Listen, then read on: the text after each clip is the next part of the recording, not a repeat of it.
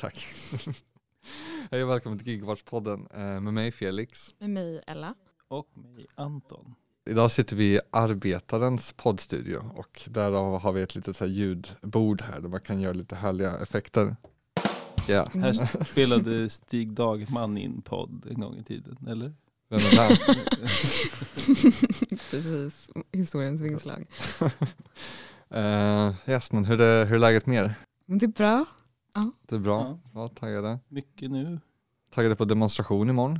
Ja, verkligen. Vad är det vi ska demonstrera? Spännande. Ja. Alltså imorgon så är det ju en demonstration ehm, i Stockholm med en massa taxiförare mot Uber och Bolt och deras villkor kan man säga. Och den hakar i liksom demonstrationer i hela Europa för samma syfte. Uh, yay! Redo. och ja, det är liksom, ja, jag är med i en sån här WhatsApp-grupp för alla de som träffades i Bryssel. Så att man Mm. ser liksom att ja, men i Frankrike är de på gång och sådär. Och Ja, liksom, Taggat gud vad alltså. spännande. så Mm. att det, det känns kul. Mm.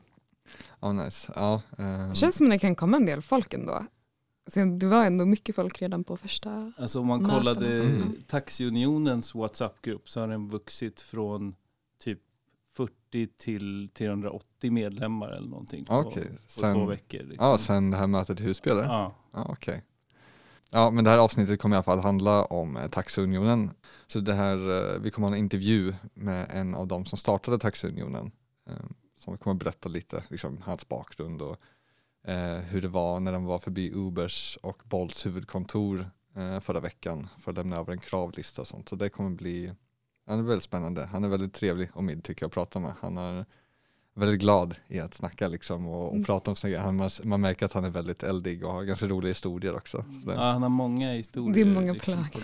Mycket, mycket utkastningar från olika. ja, verkligen. Han har dålig erfarenhet av Ubers vakter liksom. Mm. Ehm, ja, Mm. så där kan man följa det här avsnittet i alla fall. Och det här är, är poddens eh, sista avsnitt för den här terminen. Och vi kommer att komma tillbaka sen i mitten av januari nästa år då.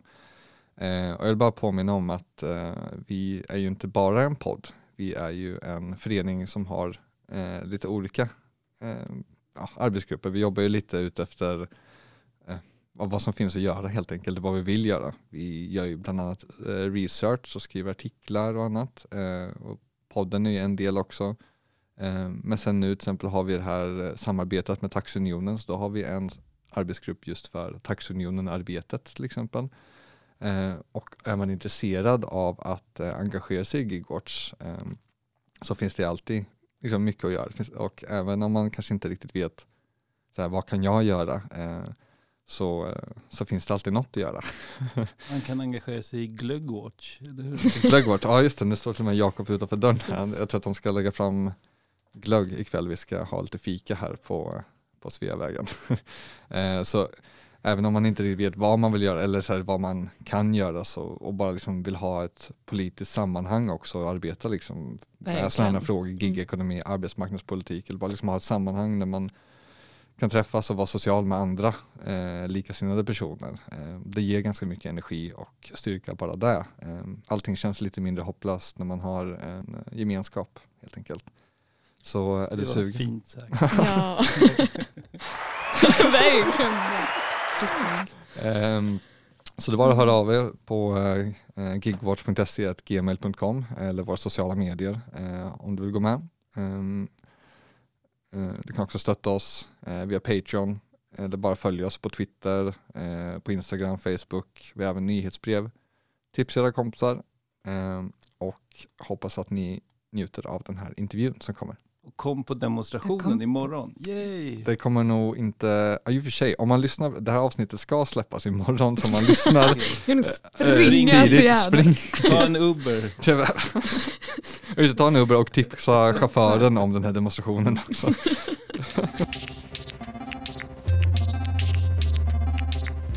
Alright, hej på dig Omid och välkommen till Gigwatch-podden.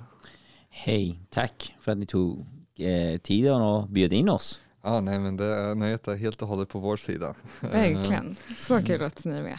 Mm. Tack. Och vi sågs ju där senast på det här eh, mötet i Folkets Husby. Ja. eh, med ADCU. Eh, nu kommer jag inte ihåg vad det står för. App Drivers and Courier Unions ja, tack så mycket. står, de för, står det för. Precis, det var ju tre stycken därifrån då som föreläs, föreläste lite för oss om eh, hur de startade upp sitt fack, eh, sin fackförening för eh, bud, eh, cykelbud och eh, apptaxiförare och sånt. Och det var en väldigt trevlig eh, dag faktiskt. Ja. Eh, och jag stod och pratade lite med några av dem efteråt sen och även med några apptaxichaufförer sen efteråt då, som var intresserade av att gå med i Taxiunionen och även vara med när ni skulle lämna över eh, den här kravlistan och så Mm. som vi ska prata lite mer senare om, men jag ska inte hoppa, vad säger man? Avslöja. Ja, avslöja, lite foreshadowing sådär. Ja, Eh, ja, men jättekul att du ville vara här i alla fall. Ehm, tack. men kan du inte berätta lite om, eh, om dig då? Du har ju kört taxi i runt 20 år. Ehm, och kan du säga lite om så här, hur taxibranschen liksom har förändrats liksom under den tiden? Förändringen i taxibranschen från den tiden jag började köra taxi, eh, den stora skillnaden som har varit från att taxi var ett yrke där man kunde livnära sig på och kunna leva. Eh, ja, men det var fortfarande ett ganska hårt arbete under alla år som jag jobbade inom taxibranschen. Det är många arbetstimmar. Vi har haft tuffa tider. Vi hade två ekonomiska kriser i, i Sverige en gång på 20-talet i och med det här incidenten som hände i USA. Då kraschade ju hela flygbranschen och efter flygbranschens krasch så, så påverkade det taxibranschen. Sen hade vi ett ganska stort ekonomiskt kris i början av 2000-talet också som påverkade taxibranschen. Så att det har funnits tuffa tider som, som det har varit, men det har ändå varit ett arbete där man kunnat säga okej, jag har ett fritt arbete, jag kan jobba lite grann så som jag vill, jag kan börja och sluta när jag vill. Jag tjänar ett okej lön, så jag kan leva på den här lönen. Jag eh, lever inte under minimigränsen. Och det var ungefär där du, du började köra taxi då? Eller? Ja, men det, var no, det var nog innan det. Jag började på alltså början av 2000. Så när jag började så, så var det ju ett, ja men det kom ju först ett riktigt kris. Mm. Där runt 2000, det var 2000, eh, Så 2008 typ? nej Nej. 2001 Tidigare. tror jag bör, Ah, var ju det här 11 september.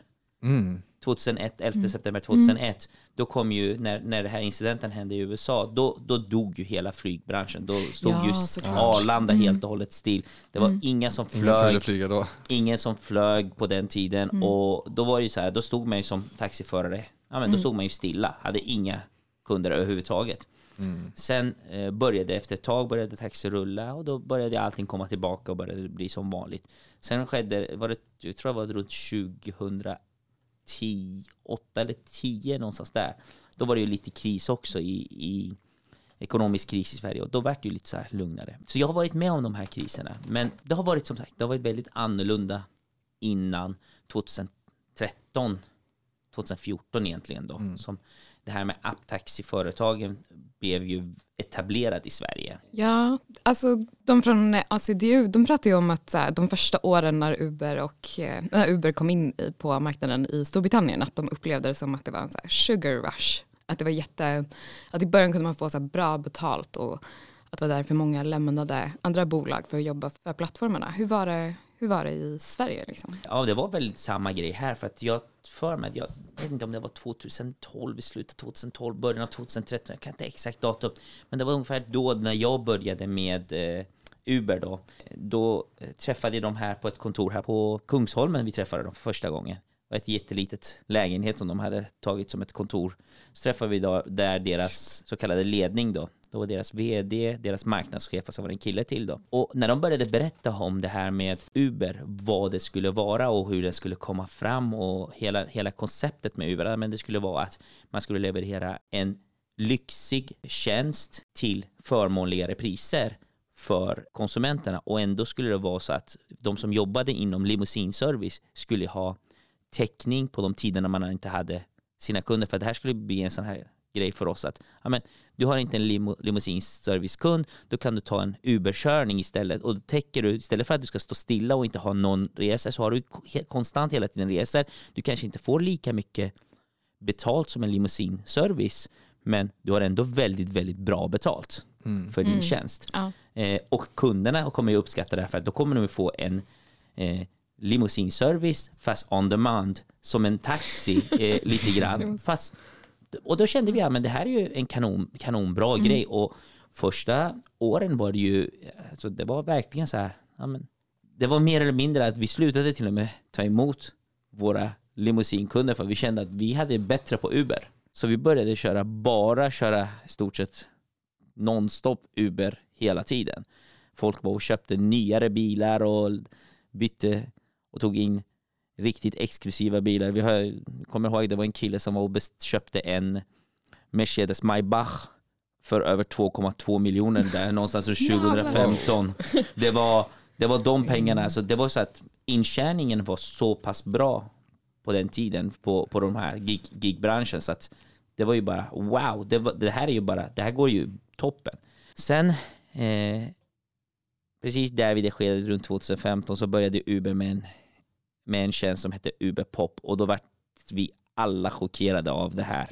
För att de kom med massa olika servicetjänster helt plötsligt på deras plattform. Ja, jag minns, det var väl så här flera, Uber Black, Uber eh, Precis. Pop, Det, Uber, det kom, Ah. det, vi, det var, vi som började med det här började med Uber Black. Sen blev Uber Black, vi, vi blev ju eh, uppgraderade till Uber Lux. Så blev E-klassbilarna Uber Black. Eh, alltså mindre klassebilar. Sen kom man med, ett, med en tjänst som heter UberX där det skulle vara lite enklare bilar och så samtidigt så startade man en tjänst som heter Uber Pop där privatpersoner skulle köra taxi. Och då kallar de det för samåkningstjänst. Det. Och det där kände vi, vad, vadå samåkningstjänst? Du bokar en bil som hämtar upp dig på din adress, kör dig till den destinationen du vill åka. Det här är taxi. Mm. Mm. Ingen Nej samåkningstjänst. precis, De, det är de det gjorde bara... delningsekonomin. Ja, men, men det är ju inte det, de, de legaliserade Ja. svarttaxi. Det är så himla roligt med det för att jag tror att Mm. TipTap hade väl eh, typ exakt samma argument för det. Att det, säger, ja, men det är inte så att nödvändigtvis att man ska åka hem till någon och hämta skräp eh, liksom som uppdrag utan det är så här, ja, men om du har vägarna förbi så kan man plocka upp det på vägen. Att det var lite så. och det är så här, men när har man någonsin vägarna förbi någon för att bara plocka upp lite skräp? Liksom. Ja. Ja. Eh, Eh. Så samåkning, det, det, det klingar lite likadant tycker jag. Det, var, Mm. det var precis samma grej som men de ville ju legalisera i stort sett svarttaxi. Mm. För att de ville ju, det, deras koncept och idé var ju, de ville ju bara växa på marknaden och sen Mm. hade de hittat ett kryphål i eh, lagstiftningen som gjorde att men de kunde Just bara det. utnyttja den. Eh, där vid det skedet, då började ju hela det här Uber-konceptet ändras. De eh, började köra att de som kör Uber Black ska köra Uber X helt plötsligt. Så att om en kund bokar Uber X så kan de få helt plötsligt en Black-bil. Men då var ju priset i stort sett halva mot vad Uber Black var. Så att, och då stod, kände vi så här, okej, varför ska kund boka en Black och betala dubbla pengar när de kan lika gärna boka en Uber X och betala halva pengen åka fortfarande med samma typ av bil. Ja, men det här ska ju öka så att ni ska ha konstant resor, returresor hela tiden. Alltså, det, det, var ju, det här var ju också ganska roligt för det där tog jag upp som en ganska stor argument. Nej, det här är bara för att ni vill ju kunna täcka mer av marknaden. Kunna leverera en billig tjänst till kunder. Ännu billigare tjänst. För de hade redan påbörjat sänkning av priserna vid det skedet, den 2015. Nej, men och att ni skulle så acceptera lägre priser för att få mer körningar och fylla upp en arbetsdag. Typ. Exakt, det var Ja. så grejen var. Att, och tyvärr så är det, är det ju så här att eh, tittar vi generellt i taxibranschen, det, är, det finns väldigt många duktiga människor, men eh, jag har sett så här att vi har inte haft så mycket mattegenier som sitter i, i bakom ratten och jobbar. För att eh, eh, ekonomiskt sett, många resor, absolut, det är jättebra, men tyvärr, många resor som inte genererar till någon vinst i bolaget vad är vitsen med det? Att, du, att man sitter och bara kör och kör och kör, att någon annan ska tjäna pengar.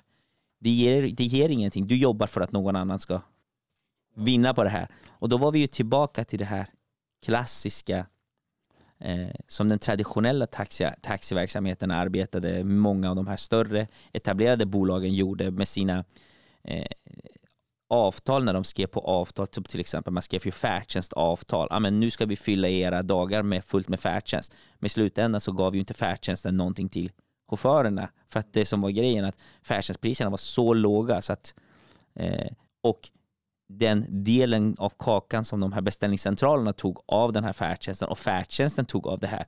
Så i slutändan, det som var kvar till åkerierna-chaufförerna var ju, okej, det täckte ju knappt kostnaderna. Men säga, det är liksom deras olika sätt att eh, sänka, sänka lönerna. Ja, precis.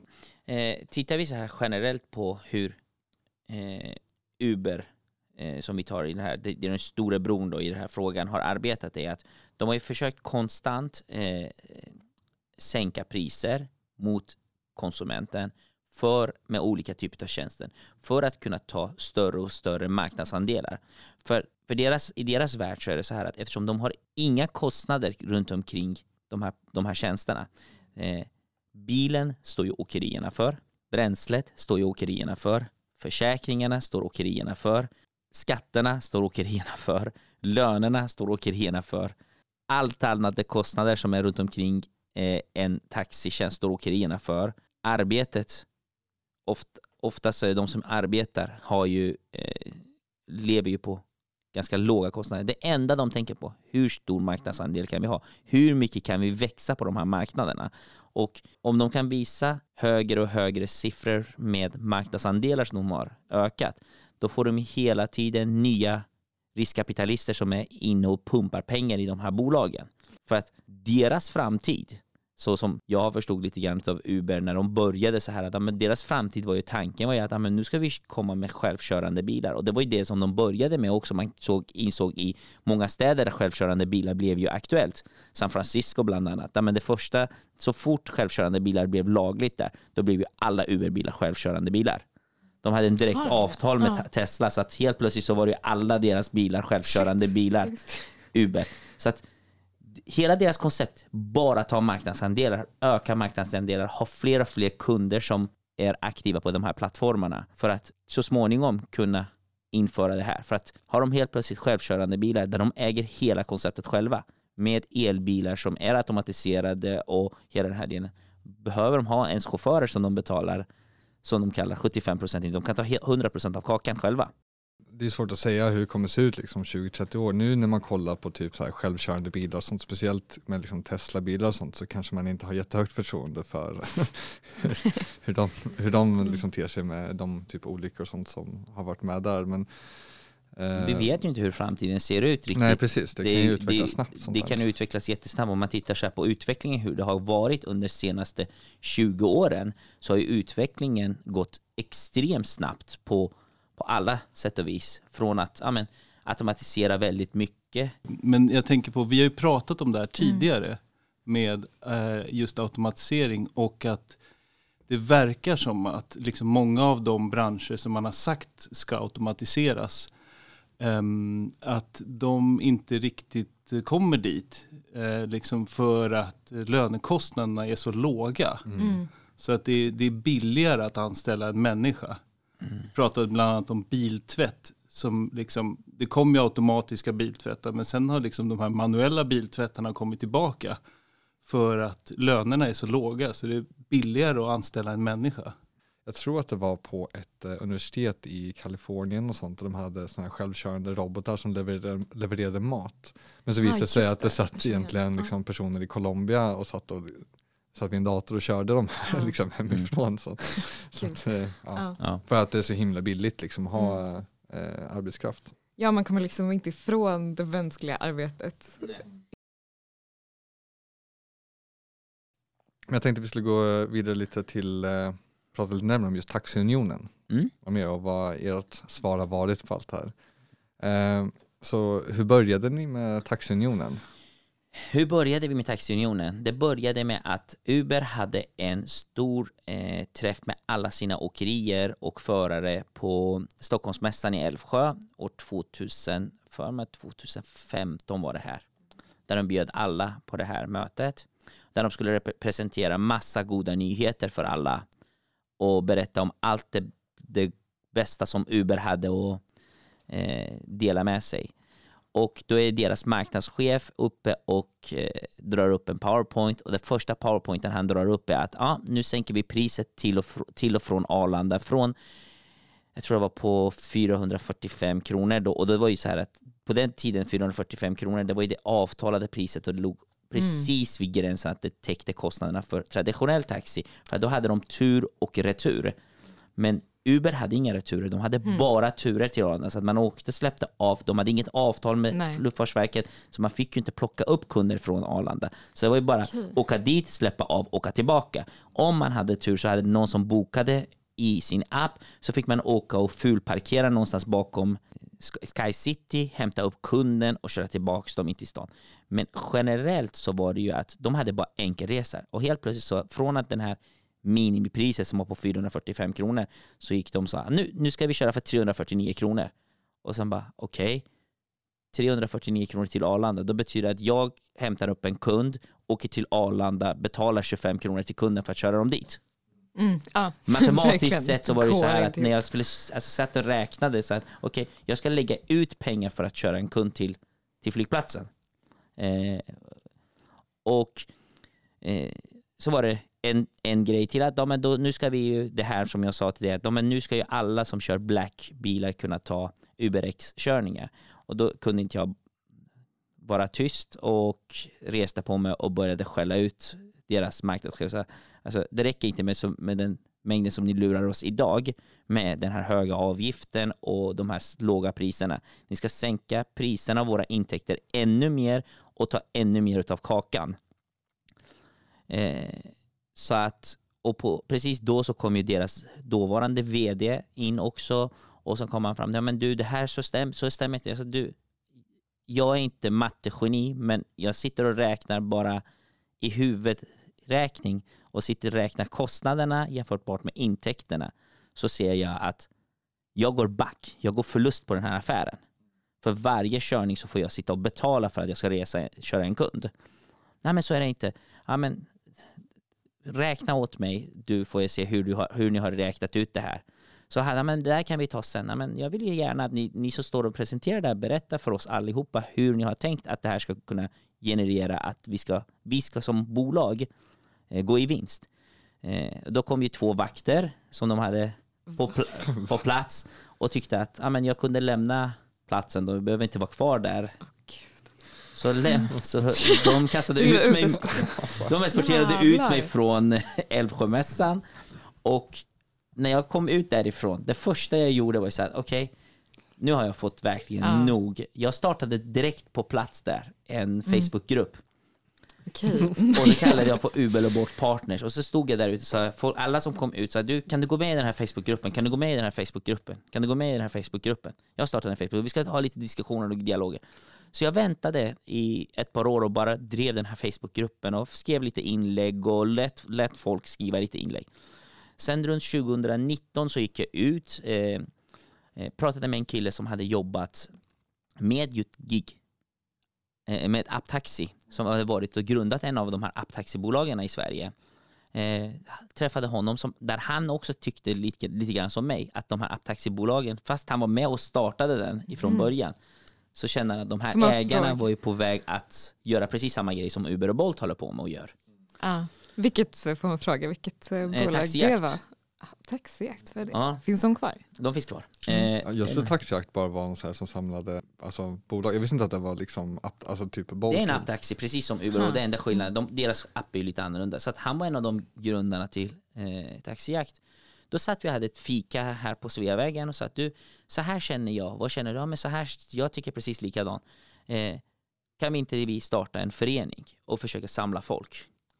Eh, då gick han och registrerade en förening eh, som hette Taxiunionen och sen gick jag ut på Facebookgruppen och sa att du, vi har en, en idé att jag skulle jättegärna vilja samla några, några åkare och förare som gillar att jobba för taxiförare. Är det några som är intresserade kan ni vänligen kontakta mig. Så var det några goda skäl som kontaktade mig och ringde upp mig på, på min telefon och så satt vi och snackade och så, berättade jag min historia, vart jag hade börjat som taxiförare.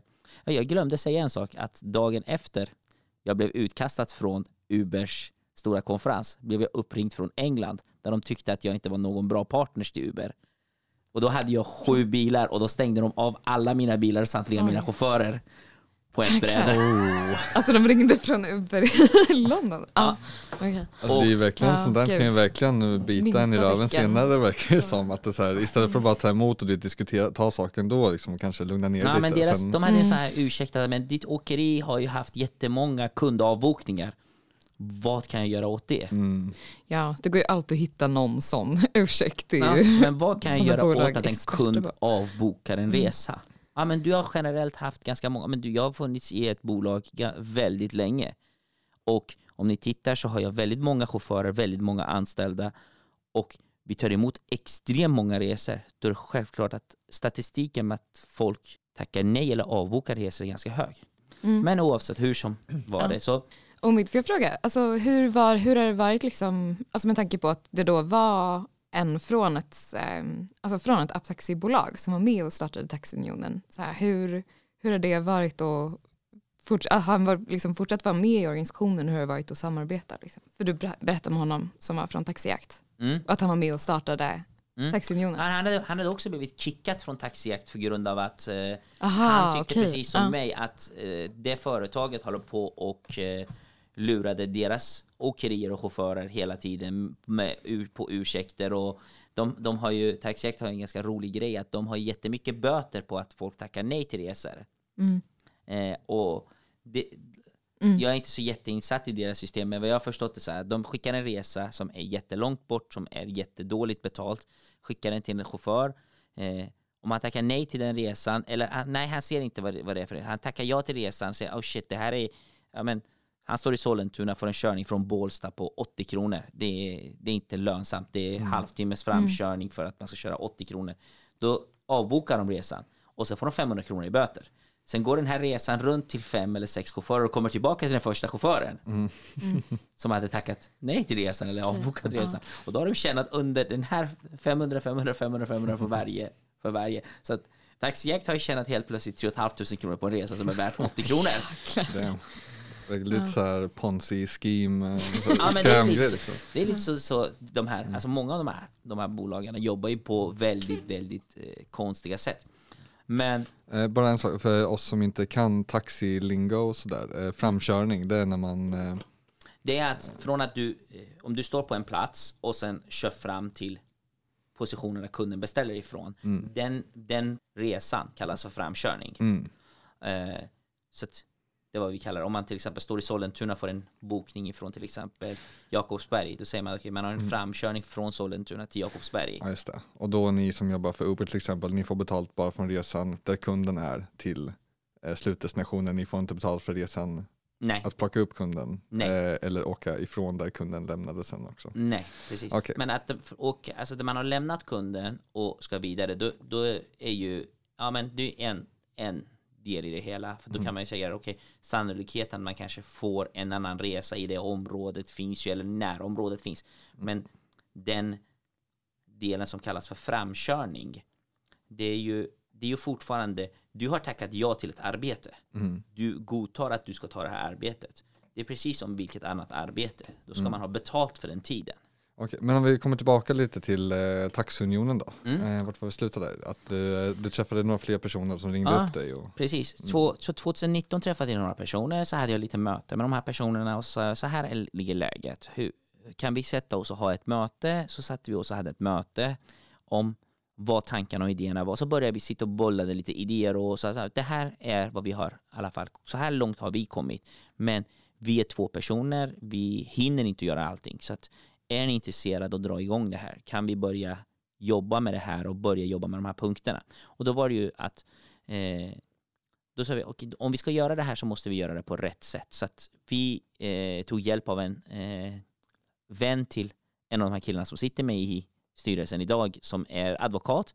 Så han drog fram eh, stadgar åt oss för föreningen. Han skrev ju ner stadgar så att vad skulle det vara? Och då gick han utifrån våra idéer och tankar och våra visioner som vi hade från olika de här personerna som satt i och hjälp, hjälptes åt. Eh, och eh, vi har ju eh, fokuserat på så först så tittade vi, okej, finns det ett alternativ innan vi startar en egen förening? Kan vi ta hjälp av någon annan förbund som kan hjälpa oss med det här? Jag ringde Taxiförbundet som egentligen är en förbund för taxiåkare och förare. Eh, och sen eh, vad deras grej var, ja men vilket bolag jobbar ni för? Ja men vi, vi är ju friåkare och jobbar med Uber och Bolt. Nej men det, det, ni, ni kan inte vara med här för att ni följer inte våra stadgar. Så jag gick ju och läste, ja. deras stadgar. Okej, då, då, då har man inte god taxi eh, för någonting som är god taxi Etik eller? är någonting som står i deras stadgar och det står också i deras stadgar. Man måste ha en taxameter som är kopplad till en beställningscentral och så vidare och så vidare. Eh, så det här med Uber och Bolt var, var, alltså det här med Uber var ju på den tiden för taxiförbundet en, ett hot som de kände. Det var inte så här, men det här, de här gängen ska vi ta, utan det här var ju ett gäng vi ska kriga emot. För att tittar på Taxiförbundet så sitter styr, hela deras styrelse är byggt av folk som sitter i Taxi Stockholm, i Cab Online. så att, De större bolagen då? Alltså. större Ja. bolagen sitter och dominerar den. Ja. Så att klart. de var ointresserade. Jag, kollade, jag kontaktade Transportförbundet, de var ointresserade. Eh, jag ringde Unionen, de var inte intresserade. Så jag ringde runt i de här olika redan eh, befintliga fackföreningarna. Ingen av dem var intresserade ens att titta på det här med apptaxiförare eller Uberförare som man tittade på den tiden. Att de här personerna, ingen som, ja, men de har ingen skydd, ingen som kan hjälpa dem. Det är intressant det du sa om, om Taxiförbundet. Alltså det är speciellt att man tänker liksom att så här, ah, men, eller jag antar att de, liksom vill, de vill sätta gränserna gentemot appbolagen. Men det är liksom verkligen som att bara så räkna med att det kommer göra att problemet försvinner. Men det, är, det är väldigt konstigt att arbeta för bolagen är ju redan etablerade och Exakt. eh, det drabbar de som jobbar för de bolagen. Exakt. Så att vi kom på att det här går inte. Så vi får ju, vi får ju dra igång vår egen förening för, på, för att, och sen gör, gå ifrån våra idéer och tankar, hur vi har tänkt. Eh, vi kan ju inte sitta och säga att någon, om någon, för vi hade ju, början hade vi tänkt det vi bara taxi. Men nu har vi ju sett med åren som har gått att vi är ju inte bara taxi utan vi, vi täcker ju så många andra yrken också. För att appföretagen har ju bytt, ändrat på branschen så att matleverans är ju också en typ av transport som man håller på Man kanske inte levererar människor men man, man håller på med leveranser. Budleverantörer, de som skick, skickar bud med, de ingår i det här. Så att vi, vi är ju lite mer som, som ADCO App Driver and, Courier Union. Vi, vi är ju lite så här, vi, vi har ju också det här med att tankesättet som vi hade var ju lite grann, okej, Eh, I början så tänkte vi väldigt mycket taxi, men vi borde kanske börja tänka om för att vi måste ju täcka de här människorna också i den här gruppen som jobbar med det här. Med alla de här problemen som du tar upp då, liksom Uber och liksom själv, hur arbetet är, Mm. eh, så tänkte jag att vi kan kanske gå in lite på den här kravlistan som ni lämnade över. För dagen efter vi hade varit i Husby med det här mötet så åkte ni dit eh, till Ubers och Bolts huvudkontor Mhm. och lämnade över den här eh, listan. Kan du inte berätta lite hur eh, ja, men innehållet i den här listan och lite hur mottagandet var på de olika kontoren? Absolut. Eh, innehållet på den här listan, vi har ju suttit och bara bollat både idéer med de som har eh, ADCU som har jobbat i England och så har vi suttit och tittat så här, eh, vad är det de här appföretagen, för att vi ser ju en, en perspektiv från de som sitter ute och jobbar. Alla gnäller på priserna. Det är ju deras största fråga för att de, de tittar ju på sin intjäning, på sin dagskassa och på hur de ska kunna överleva på, den här, på det här arbetet. Eh, det är självklart en punkt som, av de här punkterna som vi har tagit upp. Alltså, ekonomin måste gå ihop för de som sitter och jobbar. Jag måste ju bara ta en, förklara en sak först och främst innan, innan vi, kan, vi kan förstå det här. I taxibranschen, så på alla gula skyltar som man tittar på ute på bilarna så, har man en, så står det ett pris. Det står ett, ett stort pris med siffror. Det där kallar vi för jämförelsepris. Och jämförelsepris betyder att du har en starttaxa på en viss summa. Sen har du en miltaxa som är, som är uträknad på 10 kilometer, alltså en mil, och en minutentaxa som är uträknad på kvart. Och då, när man sätter ihop de här tre så får man ett jämförelsepris. Jämförelsepris för en traditionell taxi ligger på ungefär 350 kronor. Tittar du på Uber och Bolt, deras billigaste segment, så ligger det på undra, ungefär 139 kronor jämfört med 149 eller 59 kronor. Så att det är under halva de pengarna. Och det är den kategorin kunderna bokar. Mm. Det är billigt. Det var precis som sa. Folk vill åka billig taxi.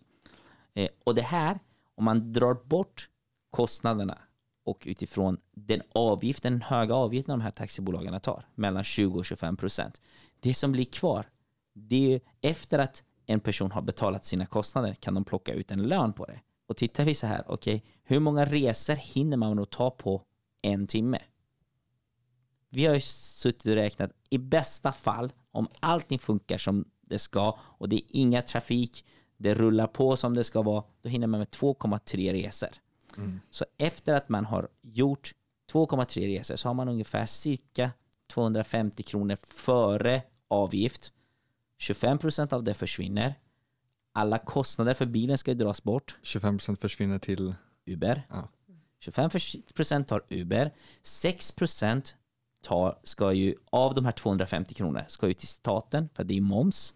Och sen börjar vi dra av kostnader för bilen, bränsle, service, däck, vägtullar, eh, mobil. Sitter vi och räknar alla de här grejerna och drar bort alla kostnaderna. Det som blir kvar, det kan ju chauffören ta lön på. Sen får man ju tänka, okej, då har man en, när man ska plocka ut en lön, då har man, om man ska göra rätt för sig, då måste man ju betala en egen avgift, eller så måste man betala sociala avgifter, arbetsgivaravgifter, och det måste ju också de göra själva. Så att helt plötsligt så är ju kostnaderna och den delen, alltså den delen Uber har tagit är dubbelt så stort än den lönen som chauffören plockar ut. Så att ett av våra krav har ju varit att man måste ju ha ett minimipris som ett jämförelsepris som är, vi säger inte 350 kronor som är de etablerade taxibolagen, utan vi har satt att 299 kronor, då, har man, då ligger man på ett, ja, men på ett gräns där man kan överleva på. Mm. Eh, sen har vi krävt att istället för att 25% avgift som en extrem hög procent ska ju de här bolagen ta bara 15% som täcker egentligen deras kostnader och mycket, mycket mer.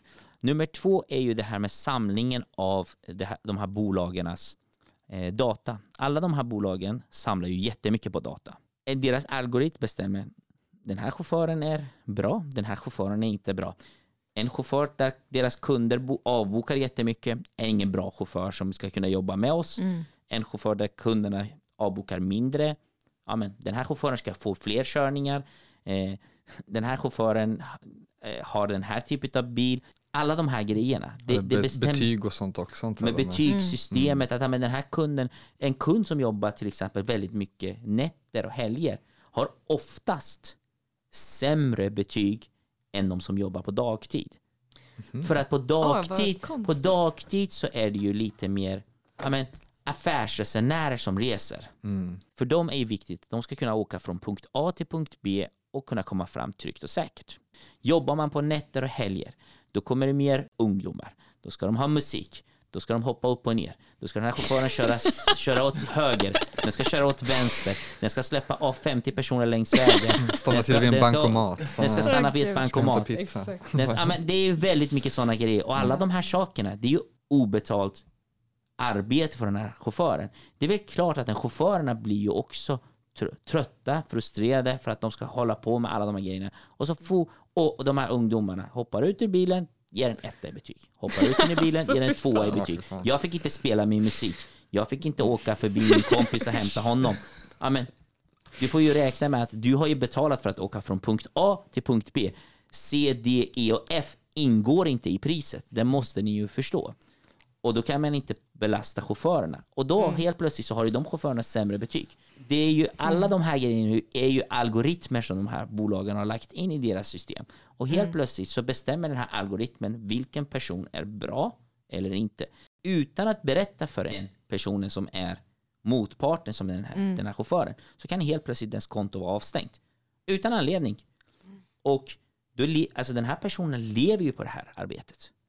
Så att enligt dataskyddslagen så måste ju de här bolagen berätta varför den här personen har blivit avstängd. Vad, vad är det här baserat på? Vilken algoritm ligger bakom det här? Så att de är skyldiga att lämna ut det data som tillhör de chaufförerna. Och det vägrar ju de här bolagen att göra. För att de säger att vi vill ju skydda våra kunder. De behöver inte lämna ut uppgifterna om kunderna, men de kan lämna ut uppgifterna varför kunderna ger sämre betyg. Varför samlar vi det här datat? Vad gör man med det här datat? Så det är ju ett av de punkterna som vi har tagit upp. Ett av annat punkt som vi har tagit upp är ju det här med ansiktsigenkänningsprogrammet som eh, Uber använder. Eh, tyvärr så har det varit, det är väldigt välkänt att det här ansiktsigenkänningsprogrammet inte fungerar till 100%. Eh, människor som har en viss etnicitet eh, har en svårt att känna igen. Om man har lite mörkare hy eller har, ser på ett speciellt sätt ut, då känner den inte igen om den här personen är den personen. Och då kan den inte godkänna den här personen är den personen som verkligen sitter och kör. Och helt plötsligt Nej, kan inte den människan sitta och jobba för att ens konto blir avstängt. Mm. För att ansiktsigenkänningsprogrammet känner inte igen den. Just Ja, det. det här är så jävla sjukt. Ja, det visar verkligen att algoritmer kan vara eh, rasistiska. Ja. Men vad, vad är själva syftet med att ha ansiktsigenkänningsprogrammet? Varför De påstår att de vill ju verifiera och säkerställa att den personen som eh, har kontot är det verkligen den personen som sitter och kör. Traditionell taxi, när man skulle logga in sig i sitt system, då hade man ett kort. Varje person hade ett personligt kort. Man drog det här kortet i sitt taxametersystem. Då blev man inloggad och då var ju det här att det kortet var ju matchande med sitt körkort och taxiförarlegitimation. Och på det kortet hade man ju också en bild på sig själv som oftast hänger ju vid jackorna på chaufförerna där det står deras namn och deras bild och hela, hela den delen. Det här har inte apptaxiföretagen. Och de vill ju komma runt på något sätt och kunna verifiera det är verkligen den personen som sitter och kör. För att de har haft problem. Eh, Jag kan ju säga så här, de har haft problem. Det har varit att det tre personer har suttit och jobbat på samma konto. Folk har, folk har fuskat. Finns det möjlighet i ett system att kunna fuska, då har folk fuskat. Och då vill de komma undan från det. Men då har de tagit in ett program som är ännu sämre. Istället för att hitta på ett bra lösning, ett bra alternativ. Jag vet inte.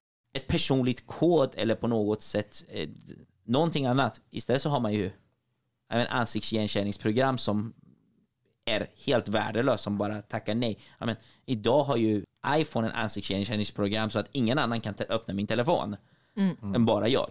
Men de vill inte ta det, här, det systemet eller de som är inbyggda i telefonen utan de ska ju bygga, mm, ta någonting annat. Så det, det var, det kan vi inte gå in på. Jag vet inte varför de har valt det, men så det är ett problem med Jag kan tänka mig att det är ganska dyrt att utveckla ett sådant system. Det är väl Det är därför att, att, så om de skulle hyra in sig på typ Apples egna mjukvara tror jag skulle vara jä- jättedyrt för dem. Ja. Eh, säkert, så de vill väl kanske träna sin egen AI liksom. Och, och det är väl också en sån grej att när alla olika apptaxichaufförer ska logga in liksom med ansikt, ansiktsigenkänningsmjukvaran och sånt att de också hjälper till att träna den här Exakt, AI också. Så att ja. det är så här, man gör ju också ett jobb åt Uber i deras liksom, utvecklingsarbete av Mm. den här mjukvaran också. Så det är så här dubbelt. Jag vet inte Mm. vem som har utvecklat den här mjukvaran riktigt, men så, så har det varit.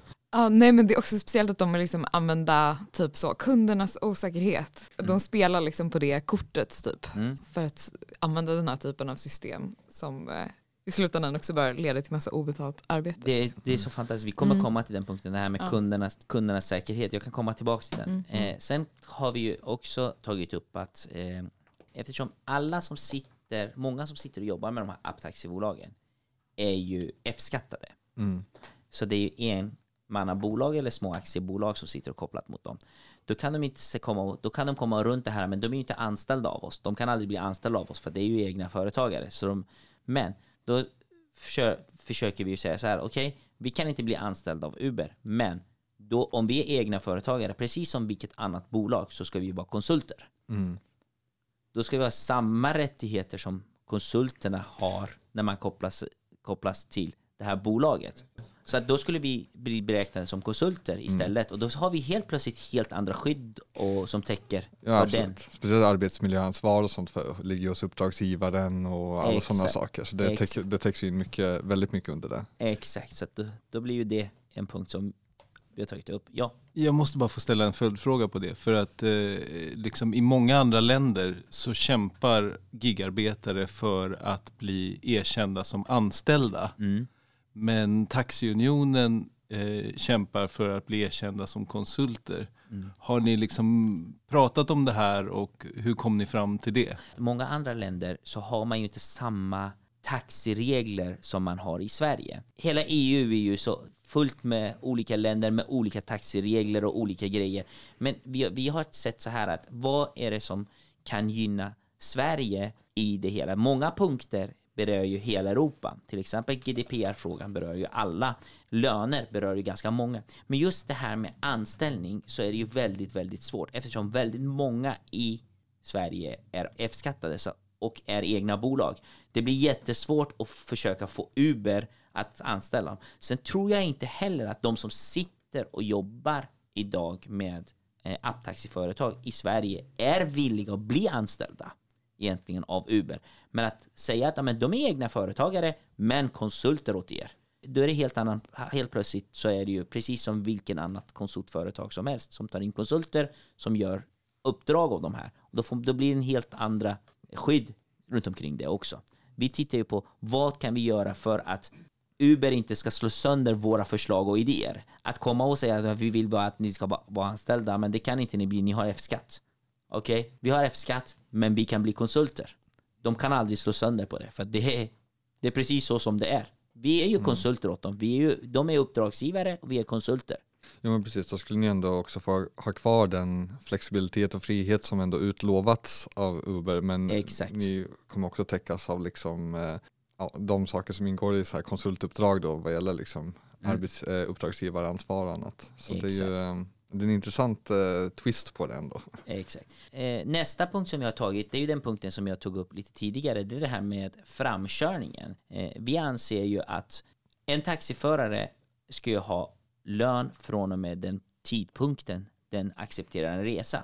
Om det är så här att den personen har fem minuter eller 50 minuters framkörning, det är upp till Uber att ersätta den tiden. Mm. Jag kan ju säga så att det här gynnar ju alla parter i frågan. Nummer ett, den gillar ju kund, gynnar ju kunden för att kunden blir ju garanterad att den alltid får en bil. För att om en förare anser att okej, okay, jag har 20 minuters framkörning, men jag har ändå mm. betalt under de här 20 minuterna. Det gör ingenting. Jag kan åka den här resan och ta den här kunden. Så kunden blir garanterad en resa istället för att kunderna ska sitta och boka om och boka om och boka om för att det finns inga bilar i närheten och hela tiden få ett, ett avbokat eller ett nej. Mm. Så får de en bil som kommer fram till dem. Chaufförerna blir glada för att de har betalt för sin framkörning. Då har de ingen anledning att tacka nej till resan eller avboka resan. Nummer tre, Uber tjänar ju pengar på det här för att i slutändan så är det kunden som ska betala för den här framkörningen. Mm. Så tar de ju sin avgift från det. Så att win, win, win. Så det är ju alla parter gynnas för det här. För att när en kund bokar en resa, då är de ute efter en taxi. De vill ha den här tjänsten. Och kan de se, okej, okay, den här tjänsten kostar mig lite extra för att jag har en framkörning. Kan jag tänka mig att vänta och ta min resa om en halvtimme eller 40 minuter? Eller vill jag åka nu? Och är beredd att betala för den. Men det, jag tror att det introducerar ju liksom ett litet problem som har varit eh, liksom den stora grejen med de här apptaxorna är ju att det ska vara billigt. Att det är så himla många nu som använder taxi. Alltså, för ett par år sedan var det ju liksom ingen som åkte taxi som jag kände. Liksom jag åkte, det var liksom någon gång om man skulle liksom, jag kommer inte ens på, inte ens när jag skulle liksom till Arlanda så tog jag tåget liksom för att, att taxi, jag tog taxi om jobbet betalade så för att det liksom, det känns som en sån lyxgrej annars. Men nu har det ju... Det var inte så. Alltså från 2000 fram tills idag som jag har jobbat mm. med taxibranschen. Folk har alltid tagit taxi. Jo, jo, sen alltså har det varit kategorin ja. har ju blivit annorlunda. Jo men precis, mm, jag tillhör exakt. den kategorin som sen liksom kunde börja ta taxi. Liksom, kategorin har ju blivit annorlunda. Mm. Förr, förr var det så här att förutom helgerna där vi hade ungdomar, kundkategorin var ju lite det var inte de här som var 17, 18, 19 eller till och med numera så är det 14, 15, 16 som åker taxi för, att det, mm. för det är billigare för dem än fyra personer delar på en taxi än ta tunnelbanan. Så på så sätt så är det ju, gynnar, mm. alltså ibland så ser man så här, en taxiresa är billigare än att ta tunnelbanan om man delar på fyra personer. Och helt plötsligt så, de har ju blivit mer av. Däremot så kan jag säga så här, apptaxierna har ju förlorat ganska mycket den här övre kategorierna. De åker inte med apptaxi. De mm. kunderna, traditionella taxikunderna som åkte taxi och ville ha den här servicen och den tjänsten, de åker inte med apptaxi.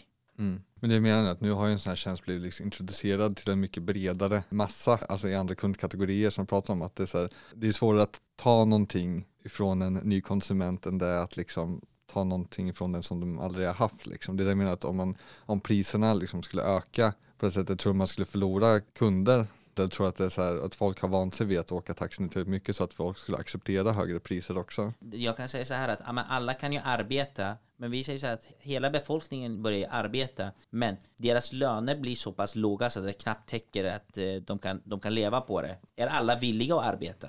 Är det någon här i det här rummet som är villig att arbeta? Och vi säger så här att du arbetar 8-9 timmar om dagen, men i slutändan, slutet av månaden, det som du får ut täcker inte ens att du ska betala din hyra. Och då säger vi att du bor billigt. Mm. Du bor billigt. Det räcker knappt att du ska betala hyra eller räcker att du ska köpa mat. Är du beredd att ta det här arbetet och göra det jobbet? Eller söker du dig vidare till något annat? Det är ju där, det är där vi är. Problematiken är så här att de som sitter idag med apptaxi, de kan inte söka vidare för att de har skuldsatt sig. Och som jag sa till dig, många av de här är egna företagare. De har skulder, de har köpt bilar, de har investerat Ja. i trafiktillstånd, de har investerat i taxilegitimation. De har lagt mycket investering. Så har de kommit in i en bransch där det inte finns pengar längre. Det finns inga löner. Det enda de gör är bara kämpar och kämpar och kämpar för att betala sina kostnader. Och så helt plötsligt så händer det någonting som det hände nu 2019. Ett pandemi kom. Många av de här gick ju i konkurs. De, de klarade knappt av att betala sina kostnader. De klarade knappt att leva. Vad händer med de här människorna? Vad händer med deras familjer? Alltså vi kan gå hur djupt som helst och börja, börja analysera de här frågorna. Jag kan väldigt enkelt på inom tre minuter koppla ihop gigarbetare med hög kriminalitet i Sverige. Alltså det är så lätt att göra det på väldigt, väldigt korta ord. Det är så det har blivit. Alltså vårt samhälle har ju gått ifrån, och det är som en grej. man tittar ju på de här sakerna, men de här är enskilda saker. Jag tycker inte att det är enskilda saker. Tittar vi på vilka är det som är ute och jobbar inom gigarbetare? Väldigt många är ju folk som bor i förorterna, som har det tufft redan som det är. Deras pappor oftast är ju ute och kör taxi 13, 14, 15, 17 timmar. De är aldrig hemma.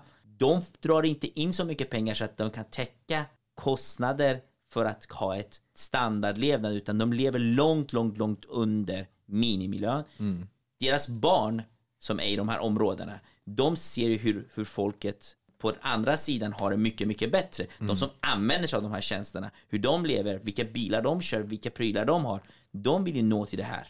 Okej, vad är det snabbaste, länkklasse sättet för dem att nå till det här? Det är inte att vända sig till pappa och be om att de ska få en högre veckopeng eller att pappa ska köpa den senaste telefonen åt dem. Nej, då ger de in sig på att amen, vi kan ju faktiskt börja göra något olagligt som drar in ganska mycket pengar. Ungdomar som håller på med kriminalitet, åldrarna har ju gått från att vara, jag vet inte, 18, 19, 20 ner till 12, 10, 9 idag.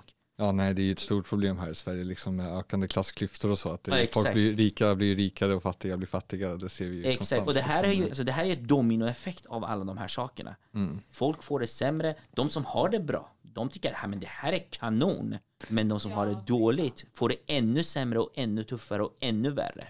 Ja, det är klart att, så här, att arbeta så pass mycket, att det tar upp liksom, typ all ens vakna tid. Det är klart att det får konsekvenser för ens liv eller ens livsmöjligheter. Det är ju helt... eh, Ja, det känns ju ganska ofta som speciellt så här, eh, många men, så här, politiker tar upp att det är så här, att ja, men, ungdomar som är kriminella, ja, men det är för att deras föräldrar inte är närvarande liksom. Och Anledningen till att de inte är närvarande är för att De är ute och jobbar. de måste kör- jobba. Ja, de jobbar, jobbar inom app, appbolag eller gigekonomi för att de måste ju kunna dra in för att de ska kunna överhuvudtaget leva. Så att som sagt, på knappt tre minuter så har vi fått vad är anledningen till den höga kriminaliteten i Sverige? Ja, men ett av de anledningarna är ju det här. Föräldrarna är inte på plats. De är ute och kämpar och kämpar och kämpar. Jag pratar ju med väldigt många av, mina, av de kollegorna som är ute och jobbar. Jag säger så här, ja, men, vad önskar du dig? Ja, men, kunna umgås med min familj mer. Ett av deras största önskemål, att kunna umgås med familj. Alltså det är en ganska enkel grej. Verkligen. Att kunna umgås med familjen mer. Men jag, jag tycker det är intressant för vi, vi pratar ju väldigt mycket om gigekonomi i den här podden liksom, och vi har vänt och vridit på det begreppet och liksom analyserat liksom, finansiella, tekniska, liksom, olika sidor av det och så. Men den här liksom verkligen den, de mänskliga kostnaderna som du pratar om nu, det, det är sällan vi liksom når, når ner på den nivån.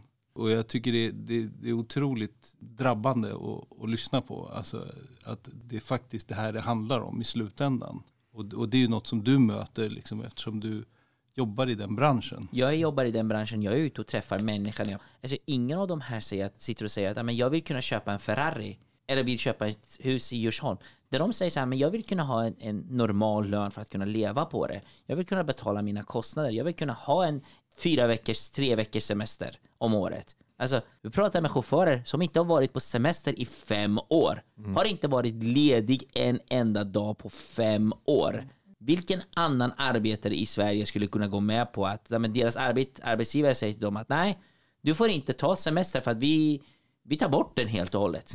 Vi tar bort sjuklönen. Vi tar bort den här tryggheten att om du blir, om du blir eh, pappaledig eller mammaledig, ja, men det finns ingenting som du kan få betalt för. Alltså, det, det här är saker och ting som det här samhället har kämpat i åratal för att få till.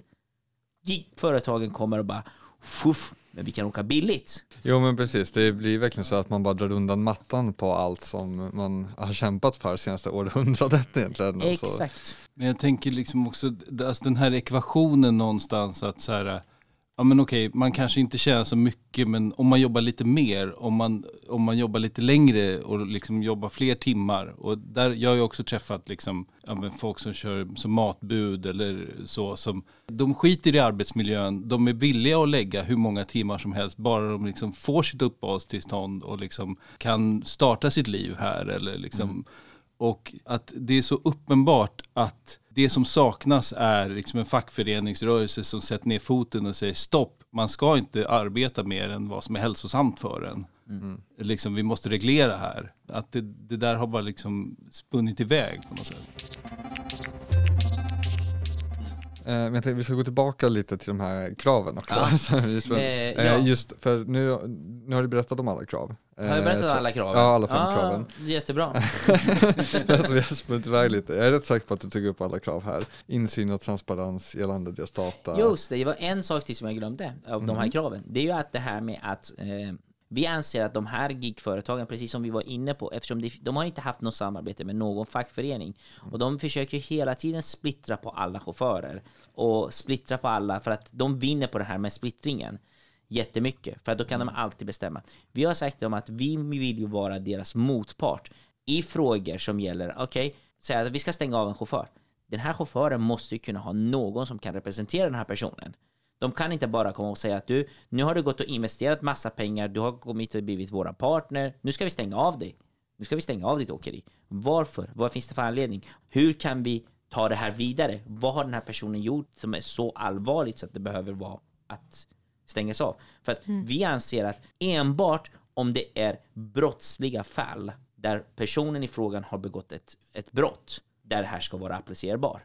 För att så länge den här personen är godkänd utav Transportstyrelsen att jobba inom taxi, då ska inte Uber eller Bolt ha rätten att stänga av den här personen. Verkligen, svinviktigt att sätta de gränserna för, ja, för att kunna börja stänga av. För det skapar ju jättestor osäkerhet bland alla som jobbar hela tiden. Liksom, att ja. det hotet alltid finns där. Precis. Och det är väl det som är syftet. Och det är, det, det det som har blivit också problematiken är att kunderna kan behandla chaufförerna precis så som de vill på deras arbetsplatser. De kan vara hur grisiga som helst på deras arbetsplatser i deras bilar och de kan inte säga någonting till de här kunderna för de här kunderna kan gå och klaga på Uber så dagen efter så är den här, så är den här chauffören avstängd. Mm. mm. Det räcker med ett klagomål från kunden så är den här chauffören avstängd. Det är som mm. de, de tar aldrig reda på varför så de berättar aldrig varför den här chauffören har varit Vad är hela incidenten? Vad har skett i bilen? Utan att mm. men, kund klagar,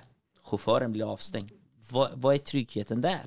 Ja, det är typ som, det var någon som tog upp det exemplet av britterna som på det mm. mötet också, som hade blivit misshandlad då av en, av en kund i sin, i sin bil. Mm.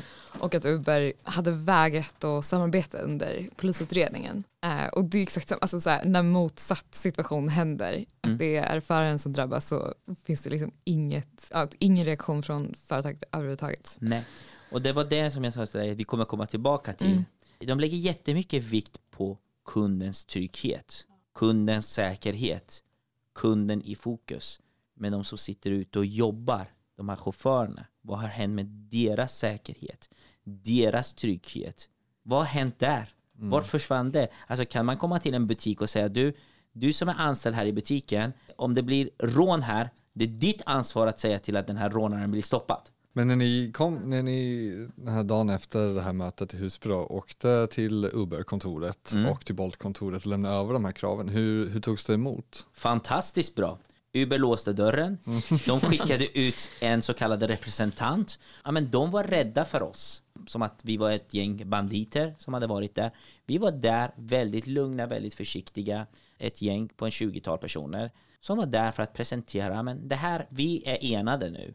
Vi vill visa att vi är enade. Vi kommer hit för att lämna över ett kravbrev och vill gärna prata med någon som sitter. För att Uber är väldigt duktiga på att skylla ifrån sig. Att amen, det är inte vi som tar ansvaret, det är någon annan som bestämmer. Det är inte vårt ansvar. Vi säger ingenting. Vi är bara ett, ett kontor här för att ska hjälpa chaufförerna och registreras och bli börjat köra åt. Men någonstans så måste ju någon här i, det här i Sverige kunna ta ansvar för saker och ting som sker här i Sverige. Man kan inte bara studsa och aldrig komma tillbaka med ett svar.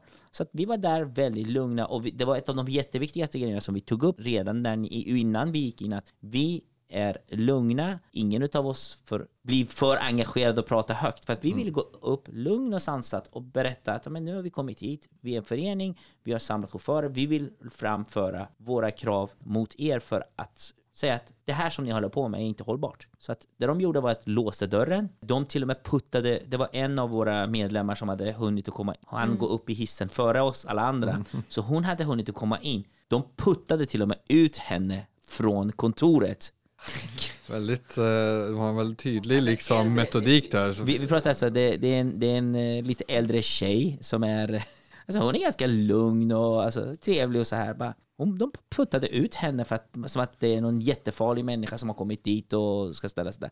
Och så stod det en kille där utanför som inte svarade på några frågor utan han men jag ska ta emot kravbrevet och lämna det över till de som är ansvariga. Han hade spelat in en och samma replik och körde om och om och om igen. Så det var ju det bemötandet som vi fick ifrån Uber. Traditionellt Uber, de gömmer sig bakom stängda dörrar, de berättar aldrig, de har ingen transparent i deras sätt att agera. Det är alltid bakom stängda dörrar, allting sker bakom stängda dörrar. Arbetaren vars studio vi är i idag, de släppte ett reportage om, Mm. om vad som hände på kontoret och sådär. Och sen så hade de fått svar från Uber, alltså angående era krav och sådär. Och då är det så att Uber alltid refererar till så här, ah, men vi pratar med våra förare varje dag och det är jättelätt att kontakta oss. Om de verkligen vill prata med sina förare, då hade de ju pratat mer på plats. Liksom. Exakt, jag kommer komma till vad som händer på Osbolt. Men det som Uber har gjort nu efter att vi har varit och lämnat kravbrevet är att de har ju lokaliserat varenda person av de här personerna som har varit på plats där. Ringt till de här chaufförerna en och en och sagt att vi skulle vilja ha ett, ett separat möte med dig och en vän här på plats. Så att de vill ju inte möta oss som förening. De vägrar att möta oss som förening. De vägrar att möta ett samlat grupp, utan de vill ju ha separata möten. Vi kan ju ha separata möten, men då vill vi att Taxiunionen som representerar flera ska vara på det mötet, inte ringa till enskilda chaufförer och säga att du, du och jag kan komma överens om en deal här vid sidan om, men du behöver inte berätta om den här dealen för någon annan. Jag vet inte vad som sades på det här mötet, för jag är, inte, jag är aldrig välkommen på Uber.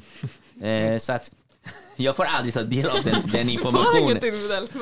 Jag kan aldrig ha ett individuellt möte med dem för att eh, jag är aldrig inbjuden på, det, på de typen av mötena. Men det är jätteintressant att det här är ju taktiken de kör. De kör en sån här härskarteknik för att kunna bara säga så här, okej, om du och jag kan komma överens så kan du lägga undan det här då, så kan du säga att du är med oss, så att då är du nöjd, eller hur? Vi kanske kan, kan sänka avgifter på någon av dina bilar med någon procent i några månader, eller kan få lite högre bonus den här månaden som kommer. Det är det systemet de har kört i alla år, det är det systemet de fortsätter att köra på. Maffiasystem. Det är verkligen lite maffiasystemet som de kör. The Irishman fast modernare Irishman. Så det här är ju hur Uber var. Bolt var överraskande lite annorlunda för att det startade med att jag fick ett samtal tidigt på morgonen samma dag där en kille presenterade sig och sa hej jag ringer från Bolt. Eh, jag har hört att ni ska komma till vårt kontor. Jag var lite chockad. Eh, Okej, vad intressant att ni har fått reda på det. Alltså jag tänkte ta lite snack med dig. Så, så att du vet du vad, eh, för jag vill ju inte ta det här diskussionen ensam med dem, för jag vill ju ha den här, ett dialog med, med resten av styrelsen. Så att det här skedde nu, hur ska vi agera? Så kan jag få ett mail av dig så vi kan komma tillbaka med ett svar till er, så att köra lite deras taktik då, mot dem. Eh, Så att vi inte blir så här att jag ska svara på massa frågor. Eh, Men då fick jag så här bara, men ni är välkomna till vårt kontor. Våran eh, VD kommer vara på plats, kommer bemö- möta er. Så att när vi var på de- deras kontor, vi fick inte komma in hela gänget, men de var ute och mötte oss. Deras VD var ute och mötte oss, deras anställda var, flera av de här personalen som var där var ute och mötte chauffören, de bjöd på kaffe. Det säger inte så att de är bättre på något sätt. För att vi säger så här att de är ju lillebror till Uber. Det är ju lite så här att de är storebror, lillebror. Uber är ju den här kaxiga killen i kvarteret där de struntar i fullständigt i vad som händer och sker. Bolt är den här lilla killen som fortfarande inte vet riktigt vad ens position är. Så de hade två olika approach på, på den här frågan. Men de tog emot brevet. Vi var inne och hade ett möte med dem. Vi gick igenom kravspecen med dem.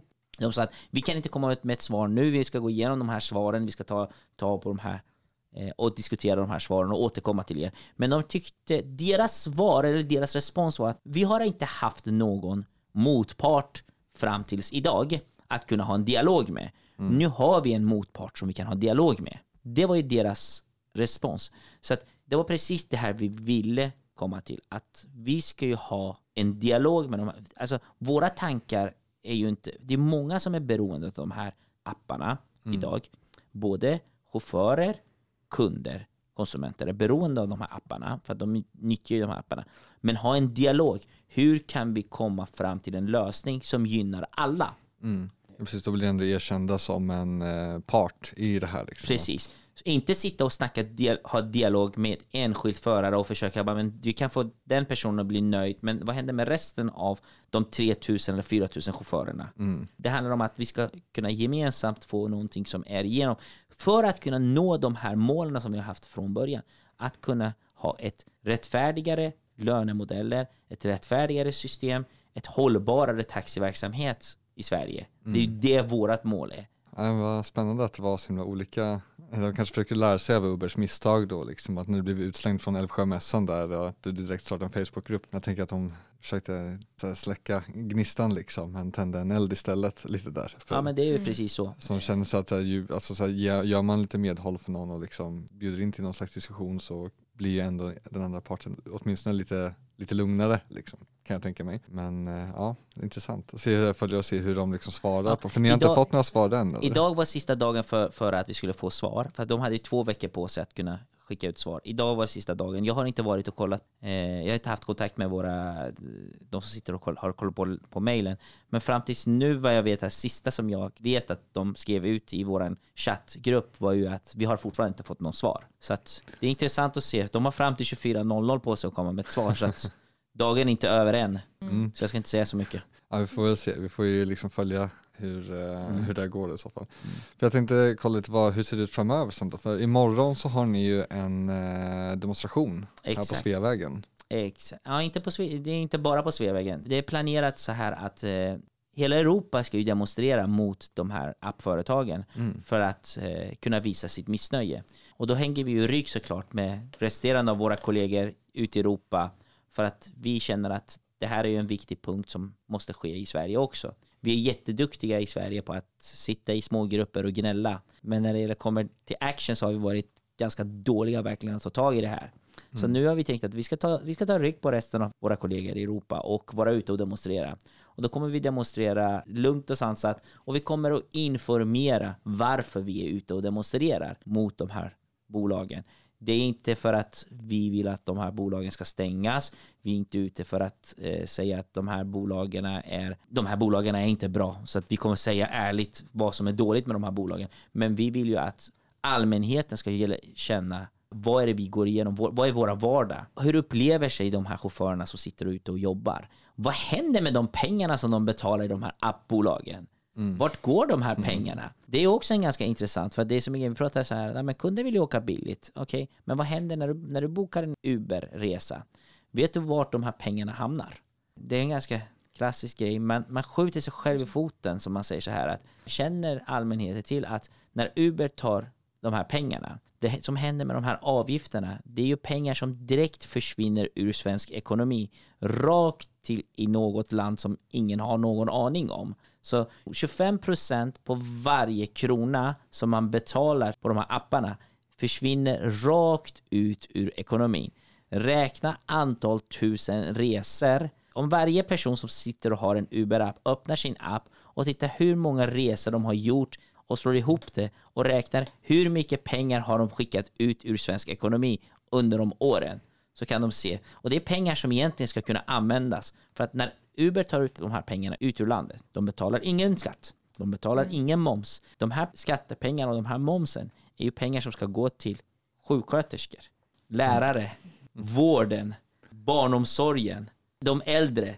Alltså det är de pengarna de skickar bara rakt ut. Mm. Men eh, tänk på det här, så här, du sa att användare kan kolla hur många liksom, resor de har gjort och hur mycket av de pengarna går till något eh, företag i Panama eller något sånt. där. Eh, Men liksom, om man sitter och lyssnar nu och åker med Bolt eller Uber eller känner folk som åker Bolt och Uber, vad, vad borde de göra? Borde de bojkotta det helt? Borde de liksom försöka pressa på Uber att höja priserna och liksom Nummer ett så skulle jag säga så här att alltså bojkotta är ju en ganska hårt att säga. För att försöka få folk att inte använda sig av en tjänst är ju fel. Jag kan inte sitta och säga vad, vad, man ska använda. Det är ens eget val om man väljer att boka Uber eller boka en Bolt eller köpa, köpa saker från Amazon istället för att gå till närbutiken för att det är ens eget val. Det kan inte jag bestämma över varje person och säga till dem att det här är rätt eller fel.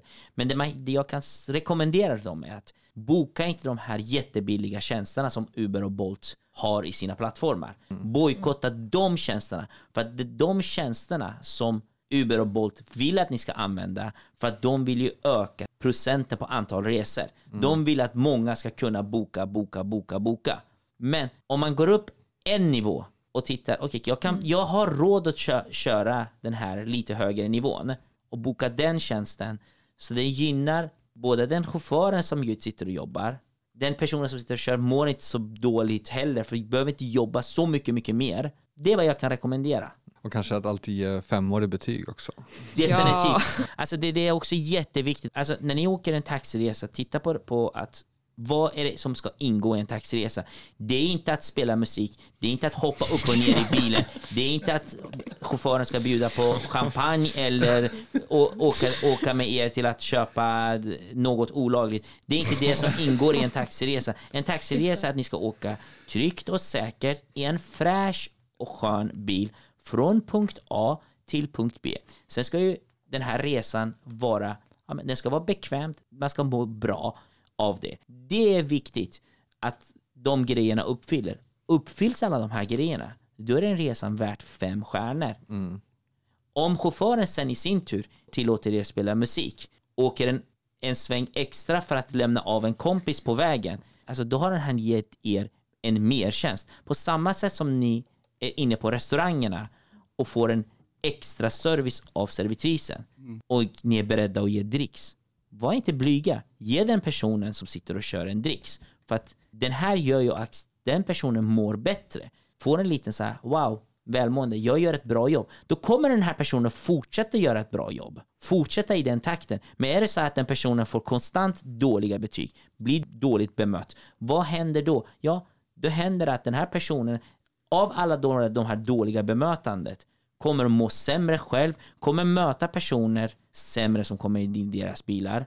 Då blir ni som kunder drabbade av det här för att då kommer ni alltid bli bemötta av en taxichaufför som är som många kunder, ja men vi åker alltid med en taxichaufför som är sur och arg. Ja, för att den här chauffören, stackars chauffören, har fått vara med om jättedåliga upplevelse under hela sin pass. Han har inte träffat sin fru och barn på dagar liksom för att han ja, jobbar. Har inte träffat sina, sina, sin familj på dagar, har inte haft en tillräckligt vila och sen blir den bara bemött av på dåligt sätt. Då är det självklart, det är, det är en självklarhet att den personen kommer att bemöta er dåligt. Så att det är ens eget ansvar som passagerare också att ja, men, bemöt personen så som du vill själv bli bemött. Mm. Alltså de här nattliga taxiresorna, jag tänker på den här filmen Night on Earth av eh, Jim Jarmusch. Jag vet inte om ni har sett mm, den? Nej. Mm. det är så här från taxibilar i hela mm. världen. Det är ja, helt galen film, kan jag rekommendera. För ja. men. Det, det, det, är så mycket, det som vi får är ju eh, snart en ganska eh, kult, en, en också en klassiker.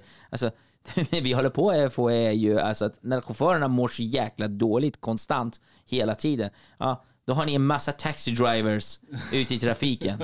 Om ni inte har sett den filmen med Robert De Niro, jag rekommenderar att se den.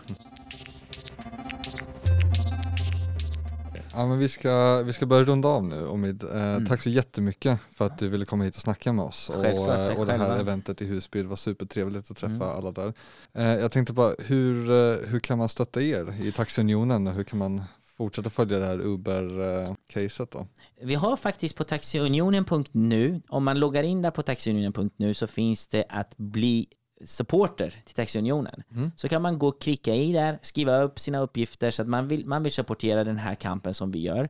Vi mejlar inte ut jättemycket information till de här som är eh, stödmedlemmarna som stödjer oss, men vi skickar ut då och då en relevant information om vad som händer. Prata med era politiker. För det här är inte bara en apptaxifråga, utan det här är en ganska stor politisk fråga. För att appbolagen kämpar jättehårt från ena sidan att trycka på politiker och försöka ändra på lagarna och regler. Det har vi ju sett. Guardian kom ut med en reportage om hur Uber har etablerat sig i Europa. Om ni har bekanta, Prata med dem om de här grejerna som jag har sagt. Var trevliga mot chauffören. Prata med politiker som är där ute om man känner politiker. Att det här är en kamp som är viktigt för att att bara trycka ut folk ut i taxibranschen för att dra ner arbetslösheten betyder inte att det här är ett bra sätt för samhället. Nej, det är verkligen ohållbart i längden. Och sen kan man ju också, om man åker med en Bolt eller Uber eller något annat, så kan man ju kanske också tipsa eh, om taxiunionen till föraren om de inte känner till det. Definitivt. Och det kan man absolut tipsa om taxiunionen och det, och det dricksa vi lite extra kanske. Ja, exakt. Så kan man göra det. Som sagt, det här handlar hela tiden att bemöt människorna precis så som du vill själv bli bemött. Vill du bli bemött bra, bemöt människorna som i, i motsatsen. Absolut de som är ute och jobbar tuffa tider, nätter, helger på ett bra sätt. De här människorna ska vara ute i trafiken. De ska må bra när de är ute i trafiken för att det är eran trygghet och säkerhet som också spelar roll. En stressad taxichaufför som inte mår bra är inte en trygg person i trafiken. All right. Ja, nej men eh, vi får eh, tacka så mycket där då. Tack. Och vi hörs i framtiden. Tack. Ha det så bra, hej då. Hej, hej.